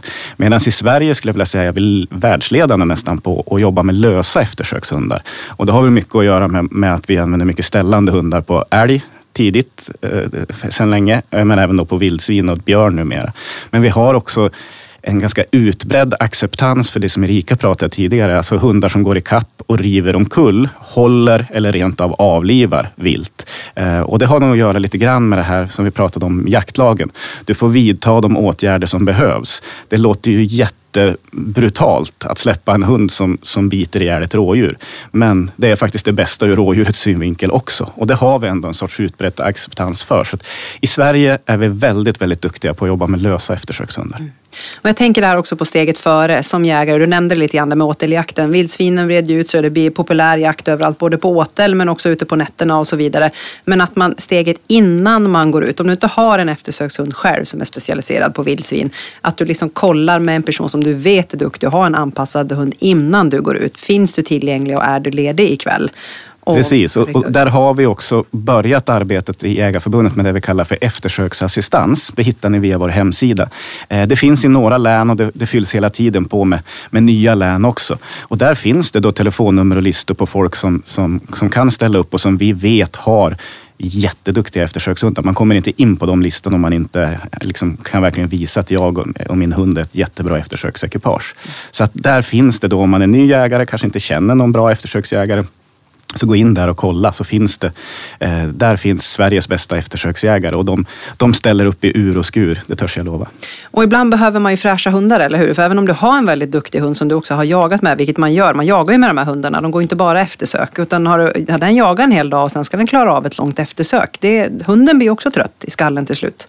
Ja, precis, och det, det, det, här kan Erika ännu bättre än mig, men, men, men det är ju just skallen det handlar om ofta. Uh, alltså en, en hund kan, kan ha haft en jättemysig jaktdag men ändå mentalt slut. Och det, det, kräver mycket mentalt att göra ett eftersök för en hund. Precis som, som jag sa tidigare, att eftersöksjägare måste ta väldigt många beslut på väldigt kort tid. Det kan hända jättekonstiga saker. Du kan hamna precis var som helst. Eh, och det ställer också krav på en hund. Eh, så att eh, det handlar nog inte bara om hur många mil den har i benen utan också om huvudet mm. faktiskt återigen då det här prestigelösheten. Att min, dag, min hund kan ju också ha en dålig dag den dagen. Jag kan ha en, en tik som är i höglöp och inte riktigt är i form och ha, inte ha det här prestigen att det här ska jag klara själv. Utan då vet jag att jag kan ringa min kompis för nu kan den hoppa in och kanske göra ett andra försök och klara det här bättre. Är det mycket så ni jobbar också Erika, eller hur? Ja absolut, det är det ju. Och det är som vi brukar säga, så våra hundar de är ju liksom som atletiska idrottsmän. De måste ju få de bästa förutsättningarna för att göra sitt jobb. Eh, och det är ju som sagt, man skulle ju inte kräva av en idrottsman att de ska köra ett maraton kanske i 30 graders värme eh, eller i snöstorm och så vidare. Utan det här handlar ju också om en bedömning för hundens säkerhet. Eh, och eh, ja, jag skulle säga att man ska tänka på dem som eh, de, de har ju en yrkesstolthet hundarna också tänkte jag säga. De ska ju också få de bästa förutsättningarna för att göra sitt jobb för att vi ska kunna lösa de här problemen som uppstår. Ja, sen, sen, ska man komma ihåg att även om jag nu är på fest eh, eller svärmor ska fylla 70 eller vad det nu kan vara, så, så är ju eftersöksjägarna ett väldigt, väldigt tajt nätverk. Det är nog ingen slump att Erika lever med en annan eftersöksägare, för det är gudbevars skitsvårt att bo ihop med en passionerad eftersöksjägare. De är ute och ränner hela nätterna, släpper allt vad de håller i om det kommer ett uppdrag. Eh, och, men, men, man är också väldigt hjälpsam och man har ett tajt nätverk. Så även om jag inte kan åka ut så kan jag tipsa om säkert tre andra som kan. Eh, men, men ring Kalle, Pelle eller Lisa eh, så kommer de och hjälper dig. De har bra hundar för just den situation som du har ställt till med på ett eller annat sätt. Ring någon, ta ja. hjälp helt enkelt. Ja, och bara man får tag på en bra eftersöksjägare så, så även om de personligen inte kan så kommer de att hjälpa dig att hitta någon annan. Ja. Eh, eh, lite avslutande ord här nu innan jag ringer upp Martin, eh, polisen, och pratar med honom lite mer. Jag tänker liksom framåt nu då, om vi pratar NVR till exempel Erika. Jag menar det här är ju ditt liv, din passion och, och så vidare. Vad, vad, tror du skulle behöva utvecklas eller kanske förbättras? Eller hur ser du att, hur tror du det kommer utvecklas här framöver? Liksom både med djur och klimat och hundar och allt vad man behöver ta, ta hänsyn till. Eh, eh, som vi har pratat om tidigare här så är ju efter, alltså den här faunan i Sverige är ju hela tiden givetvis naturligtvis eh, den är ju adaptiv, alltså måste, även eftersöksarbetet måste ju vara adaptivt. Att man anpassar sig efter nya, eh, nya förutsättningar hela tiden med nya viltarter och nya situationer. Men det som skulle behövas inom, det vi skulle behöva vara lite bättre på vi blir ganska nördiga och lite så här fikonspråk och lite så här navelskådande och pratar inom våran grupp. Att vi skulle behöva vara lite mer utåtriktade och berätta, så den här podden är ju toppen. Eh, men att vi skulle kunna komma ut med vårt budskap lite mer och tala om för, för människor att vi finns, vad vi gör eh, och hur man då eventuellt ansluter sig till oss. Så att man inte är rädd för att ställa frågan, knacka på hos en eftersöksjägare och säga jag är jätteintresserad av det här. Hur skulle du, vilka råd skulle du ge till mig för att komma vidare och så vidare. Ta kontakt med länsansvariga poliser, länsansvariga jägare. Eh, och som sagt var, det, så det är väl min önskan kanske att vi skulle bli lite bättre på att synas så att fler människor ser vad vi gör och förstår organisationen lite bättre. För det, det finns mycket missuppfattningar och mycket eh, fördomar om kanske vad en eftersöksjägare är eller en trafikeftersöksjägare är och så vidare. Så att lite mer eh, utåtriktad verksamhet skulle jag vilja önska. Om jag ställer samma fråga till dig då Daniel. Jo, men jag vill bara fylla på Erika där. Alltså, alltså eftersöksjägare är sämst av alla jägarkategorier på PR. Eh, de är så fokuserade på eftersök och förkorta viltets lidande så de glömmer bort att tala om vad de gör. Och som jag sa tidigare, det finns inte en människa i det här landet som tycker att det är dåligt att vi gör trafikeftersök. Man kan tycka att jakt är jättedåligt, men att vi förkortar vilts lidande, det, det är ingen som tycker det är dåligt. Och jag tror det är viktigt i långa loppet för liksom acceptansen för jakt och jakt med hund, inte minst i Sverige. Sen det jag tycker mig se från när jag började göra Jägarförbundets första eftersöksutbildningar, då hade man en rådjursklöv och då hade en ketchupflaska med blod och så skulle det gå 200 meter sen en vinkel, 200 meter, sen en vinkel och så skulle det sluta bloda i 15 meter. Alltså, det, det fanns ett väldigt fastslaget eh, metod för att träna eftersökshundar. Eh, det jag tycker vi, vi, vi har blivit mycket, mycket bättre på på senare år, det är att träna diverse situationer och framförallt lära dig att läsa din hund. Eh, det är liksom inte bara mekaniskt att gå med, med 15 meter spårlina till man hittar en klöv och så är det klart. Utan att träna på olika situationer, träna framförallt på störningar. Det upplever jag är utmaningen med eftersök, att det, det kommer bärplockare, det kommer andra hundar. Andra vilt? Ja, och det ser vi ju tydligt i, i de viltätare delarna av landet, att det är också en utmaning. Särskilt också då de flocklevande vilten, vildsvin och dovhjort, där de, där de ofta har sällskap av 10 eller 15 till. Eh, och då är det inte lätt att börja sortera, inte ens för en hund. Så att, men jag tycker att vi, vi, vi hela tiden utvecklar nya träningsmetoder. Vi coachar varann. Vi har de moderna pejlarna idag som man faktiskt kan se exakt om vi går i spåret eller om vi går lite på sidan om och så vidare. Så att kreativiteten är ganska stor och därför tror jag vi kommer bara få bättre och bättre och bättre bättre eftersöksekipage. Mm. Men jag tänker om man vill veta mer om det här också så har vi ju Jägarförbundet.ses hemsida. Om det går in under jakter så har vi väldigt mycket information om eftersök, vilka lagar som gäller, var man kan söka mer information. Gå in under kurser och hitta ett gäng med utbildningar som man kan vända sig till och, och starta där helt enkelt också. Så det, det finns ju mycket mer information att söka. Nu tycker jag att vi har täckt väldigt mycket här under den här timmen med podd. Det känns som vi skulle kunna prata på, men jag tror vi får, vi får stanna där så länge, för jag ska hinna ringa upp Martin här också, polisen, och prata lite grann med honom. Känner ni er nöjda? Har ni fått med det mesta som ni vill få med? Ja, alltså jag och Erika skulle kunna sitta här ett dygn till. Ja, men ni får fortsätta efteråt och ta en ja, kaffe. Men, och det är väl ett gott råd att skicka med till den som nu har blivit lite nyfiken på det här med eftersök. Att leta upp en eftersöksjägare. Vi älskar att prata om eftersök och vi brinner, det kanske märks, eh, vi brinner för det här. Eh, så det är inte så att man, ni kommer att få kalla handen, utan vi vill, vi vill dela med oss av det vi, vi, vi tror oss kunna och också vad vi inte kan. Och vi behöver också träningskompisar. Ja, eftersöksjägare är en outsinlig källa till anekdoter. Just, you have been warned. Ja, vi har ju fått några här idag, det är vi tacksamma för. Ja, jag är i alla fall jättetacksam för att ni tog er tid att komma hit här idag och prata om det här. Det märks minst sagt att ni är passionerade inom det här och har lång erfarenhet. Så tack snälla för att ni kom och tack för den insats ni gör även för viltet. Så på återseende. Ja, men då ska jag hälsa polisen och viltsamordnaren Martin Trostemo välkommen till På jakt med Jägarförbundet, våran podd här. Hej Martin! Hejsan, tack så mycket för det. Ja, hur mår du idag? Jo, men jag mår faktiskt riktigt bra idag. Så att, eh, ja, har ni någon snö? Ja, det har kommit en hel del faktiskt sista veckorna här. Men nu har det varit tö här några dagar så att nu har snölagret packat ihop lite grann och det, det, kan ju faktiskt vara bra för det har ju varit nästan lite svårt att ta sig fram ut i skogen. Här. Ja, men jag förstår det och jag tror våra lyssnare hör att du är lite grann norr från Sverige. Berätta var du, var du hör hemma någonstans. Ja, men jag hör hemma i Östersund i Jämtlands län ja, och där eh, jobbar jag och verkar som viltsamordnare på polisen i Östersund och polisen Jämtland. Kan du berätta lite grann vad en viltsamordnare gör för någonting? Ja, hörru du, det man har många strängar på sin lyra som viltsamordnare. Framförallt så, framförallt så sköter jag ju det här med, med eftersöksjägarna inom Nationella viltolycksrådet då i Jämtland, Härjedalen. Och då är jag så att säga, jag är den som i länet ser till att de får betalt. Jag granskar och attesterar och ser till att de får sin lön varje månad bland annat. Och det är väl det viktigaste kanske. Mm. Och sen naturligtvis ser jag till att beställa hem all utrustning för dem så att de har pannlampor och att de har eh, varningsskyltning och eh, blixtljus och allt det de kan tänkas behöva för sitt uppdrag. Och det måste jag se till att vi har i lager så att vi kan skicka ut till samordnande, jägare då, eh, så att det finns helt mm. enkelt. Mm.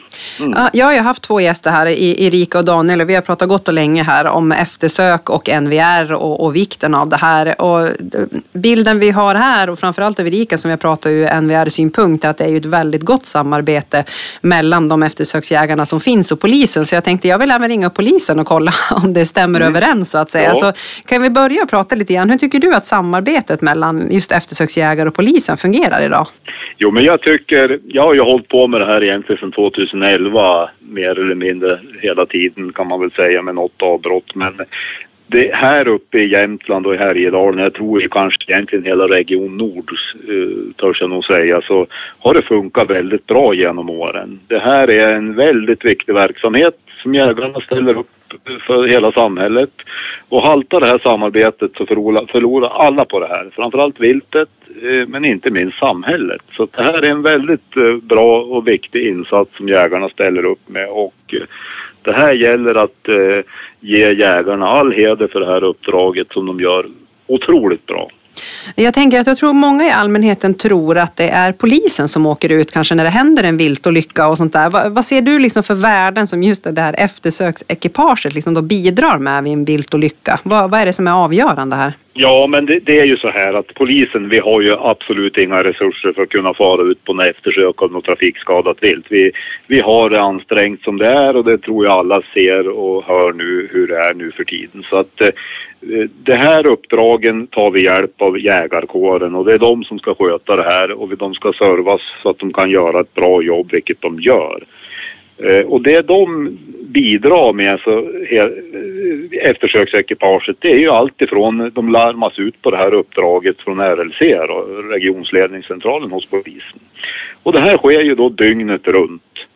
Eh, och det är ju en helt otrolig insats bara det att eh, behöva ta telefon klockan tre på natten för att eh, höra att det har varit en, en, trafikolycka med ett rådjur i grannbyn så att säga. Om man ska börja rodda i det och kanske ringa dit en eftersöksjägare eller om man ska fara dit själv då, som kontaktperson för att kanske avliva ett rådjur eller kontrollera vilken mark det här rådjuret ligger på för att kunna i sin tur då ta kontakt med en jakträttshavare som ska ha det här rådjuret om det är någonting att ta rätt på och så vidare. Då. Mm. Så att eh, de bidrar ju också med väldigt bra eftersökshundar och eh, ja, de är ju tillgängliga för samtal och uppdrag dygnet runt gällande de här viltolyckorna. Ja, och sen går de upp till vanliga jobb och ska jobba sen.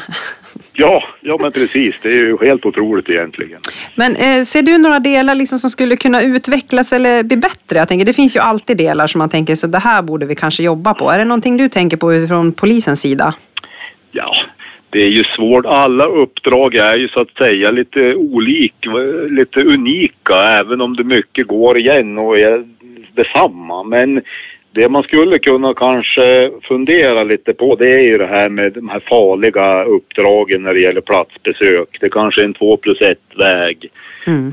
E14 och så vidare. Det är ju faktiskt det är ju, jag vet ju det som polis också att det är ju det farligaste vi kan göra är ju när vi är ute i trafiken för folk ser ser och uppmärksammar kanske inte varningsskyltning på något bra vis utan de sitter och är lite inne i det de gör och upptäcker inte det som kommer upp framför huven så att säga. Så att där, där är jag lite orolig. Jag, jag ska inte säga att jag tror att jägarna de sköter sig och de har gjort det här jäkligt bra men det är en farlig arbetsplats när det är lite större vägar. Det kan vara en mindre väg också för den delen som är livsfarlig. Eller när de är ute kring järnvägar och så vidare. Det är också farligt, speciellt när det är djup snö.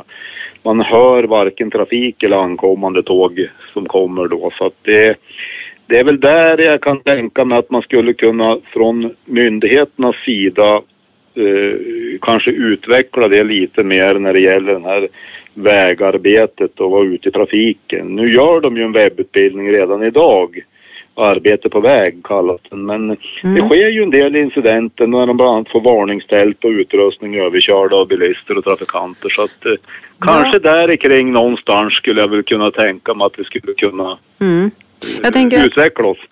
Precis, och jag tänker också att eh ja, men inom NVR, alltså alla olika organisationer som är med där och jobbar på kanske upplysa däremot de som är och kör bilarna. Oftast är ju eftersöksjägare, polis och, och vägarbetare och så vidare som verkar runt vägar väldigt välutbildade och skyltar som du säger. Utan det är mer kanske att göra allmänheten informerad och upplyst om att ja. det här är en, en utringd eftersöksjägare av polis. Att, ja. att det verkligen, att man gör kanske mer en sån kampanj och börjar i den änden. Vad tror du om det?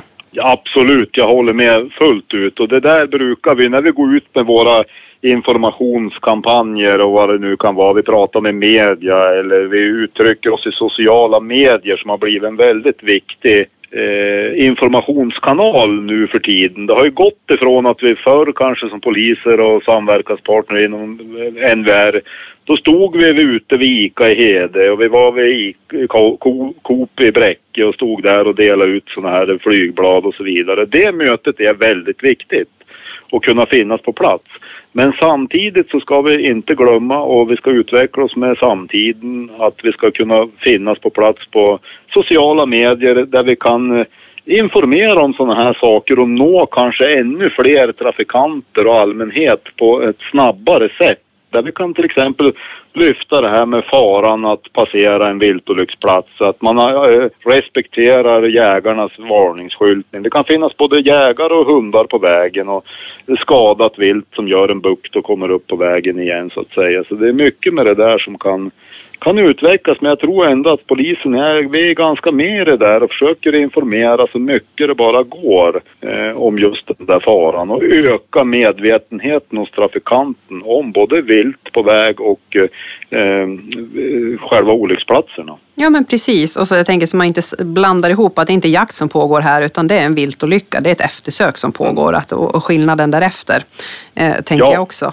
Men man kan ju ja, göra flera tänker jag, åtgärder också för att liksom minska antalet viltolyckor. Va, vad tror du vi ska börja i för ände där? Ja, hör du, det är så otroligt brett ja. spektrum på det där med hur vi ska minska eh, antalet viltolyckor och vi har jobbat med det i så många år och ändå så stiger viltolyckorna egentligen varje år, år ja. från år. Eh, nu har ju 2022 verkar vara en liten dipp både på rådjur och älg, i alla fall här uppe i Region Nord. Ja, precis. Men, Älgen kan vi nog hitta en förklaring i varför den dyker. Det blir ju färre älgar, men rådjuret ja. än så länge står sig ju stabilt i stammen, tänker jag. Ja, jag tror det här med älg ska vi nog också vara lite försiktiga med, för att det är en eh, kurva som har gått upp och ner, upp och ner och egentligen sedan 2015 så har en eh, älg, älgkurvan här gått upp och ner och den var ganska låg 2015 eh, för att ha en topp 2019. Mm. Sen 2021 2020 som var coronaår, då var det faktiskt färre älgar som kördes på än vad det var nu 2022. Är det för att färre kör bil då också tänker jag? Man jobbar ja, mycket hemma? det var nog färre som körde. Ja, precis. Mm. Det var många som var hemma och vi hade inte den här norsktrafiken in i Jämtlands län till exempel. Så att eh, det här med att eh, älgstammen går ner, det ser vi inte riktigt i viltolycksstatistiken. Men kanske nu om det fortsätter 23, 24 och så vidare att det går ner mot 300, ja men då kanske vi ser en effekt av av älgstammens nedgång. Men än tror jag inte riktigt på att vi kan dra den slutsatsen i viltolycksstatistiken. Nej. Men jag tänker ändå att även om ehm, de olika bestånden går upp och ner så tänker jag att man kanske kan göra lite, ja men hur är det med viltstängsling, alltså skyltningar, mm. viltpassager. Jag tänker att det kanske finns i den änden mycket att göra också. Jobbar polisen med de här delarna också eller hur ser det ut? Absolut, absolut. Vi har varit med och i Jämtland har vi drivit något som kallas för regionalt råd. Eh, när vi har sammankallat Trafikverket, Skogsstyrelsen, försäkringsbolag, Jägarförbundet Eh, med flera till sådana här Trafikverket, jag vet inte om jag sa det. Och där eh, sista mötet vi hade så pratade vi mycket om det här med stängsling och eh, lite siktröjning och så vidare. Och det är ju på gång att det är en sträcka här i Jämtland nu som är väldigt tungt drabbad mellan Svenstavik och Brunflo. Där det kommer att bli en stor sån här stängslingsinsats då för att göra det på den där sträckan. Så att det blir spännande att se vad det ger för effekt med den. Jag tänker vi eh, på Jägarförbundet jobbar ju mycket med att försöka också nå ut till allmänheten om vad man gör som privatperson när man sitter i bilen och har kört på eh, ett vilt. Vad är det du är skyldig till att göra? Att ringa 112, rapportera och märka ut och så vidare. Är det sådana delar som ni också jobbar med kommunikativt tänker jag? Absolut, absolut. Vi har, det har vi jobbat mycket med kommunikativt, bland annat via sociala medier. Så det är, det är en viktig bit det också. Just det här med utmärkning av olycksplatsen. Eh, skylta upp så att man inte får en till olycka in i den, redan, i den olycksplats som redan är så att säga och ta hand om skadade så att man prioriterar i, i rätt ordning där på platsen så att säga och sen så att jägaren kan få ett bra Eh, spårupptag då från, eh, från olycksplatsen. Vi hade, nu såg jag när jag satt och attesterade fakturorna här för eftersök. Det var en, som en kille som hade fått åkt i, i fyra mil och leta efter en olycksplats och han hittade den inte. Så det säger en hel del om svårigheterna de har där ute. Ja, verkligen. Och jag tänker även mm. ni som har ett snödjup att ta hänsyn till just nu vid den här tiden också. Ja, precis. Vi har, nu såg jag också det nu när jag satt och, och kollade de här att det har varit väldigt mycket skotereftersök här nu sista månaden och det är ju, det förstår jag med tanke på det otroliga snödjup som har varit på vissa ställen och har mm. blivit här. Ja, vi har pratat en hel del utrustning här som eftersöksjägare mm. har och kommer man norröver ska man alltså behöva en skoter också. Det är inte, det är inte lite ofta. du behöver ha för att klara Nej, det hörru du, det är det jag säger. De gör ju en väldig insats. De har, dels så håller de med både släpvagn och skoter och, och bil och, och, så vidare och mycket privata saker som de använder och nyttjar till det här uppdraget. Så att det, mm. de gör det otroligt bra måste ja. jag säga. Ja, men det är glatt att höra och det var väl den bilden jag fick här också av Erika och Daniel också. De tycker att det funkar väldigt bra med polisen och att det är ett väldigt tajt samarbete. Sen behöver vi alltid bli bättre på att upplysa tänker jag och få in nya, nya stjärnor i det här som fortsätter bidra och liksom gå igenom den här passionen som finns igenom hos jägarna som hjälper till med det här och det goda ja. samarbetet. Så att eh, vi får fortsätta på inslagen väg helt enkelt tänker jag. Ja, det får vi göra och det är viktigt att vi, att vi verkligen ser till att eh, från polisens håll att vi ser det här är, hjälper jägarna samhället och oss med. Då ska de ha en service. De ska ha en bra service för det här det de ställer upp med. Det ska inte vara något att, man, att det blir någon slags schism mellan jägare och polis. Det får inte bli några sådana dumheter utan det ska vara ett väl oljat samarbete det här mellan polisen, hela NVR och jägarna. Så att, för annars så blir det ju i slutändan viltet som blir lidande för det här. Mm. Tack snälla Martin. Jag tänker att det får vara några avslutande ord från dig i, den här, eh, i det här lilla samtalet som vi har haft. Ja. Eh, vi får säkert anledning att träffas och ses igen eh, på temat. Men så länge vill jag tacka dig så jättemycket för att du var med här idag och önskar ja, dig en trevlig kväll. Jag. Ja. ja, men tackar du. Tackar. Ta hand om dig. Ha det ja. fint. Ha det bra. Hej, hej. Jägarkollen. Snabbfakta om dagens ämne avfyrad på 30 sekunder. Visste du att under 2022 så anmäldes det drygt 61 000 viltolyckor till polisen där hela 47 000 av dem var rådjursolyckor? Och att en viltolycka med älg, rådjur, hjort, vildsvin, björn, varg, järv, lo, utter, örn och mufflonfår måste enligt lag anmälas till polisen. Om du inte gör det här så är det straffbart och klassas som en smitningsolycka och kan ge böter. I Sverige finns det över 6 000 eftersöksjägare som dygnet runt jobbar för viltets bästa och tillsammans så äger de över 10 000 eftersökshundar. Vi avslutar det här avsnittet med ett extra stort tack till dem och till er andra där ute i trafiken. Kör lugnt, ta hand om varandra så hörs vi snart igen.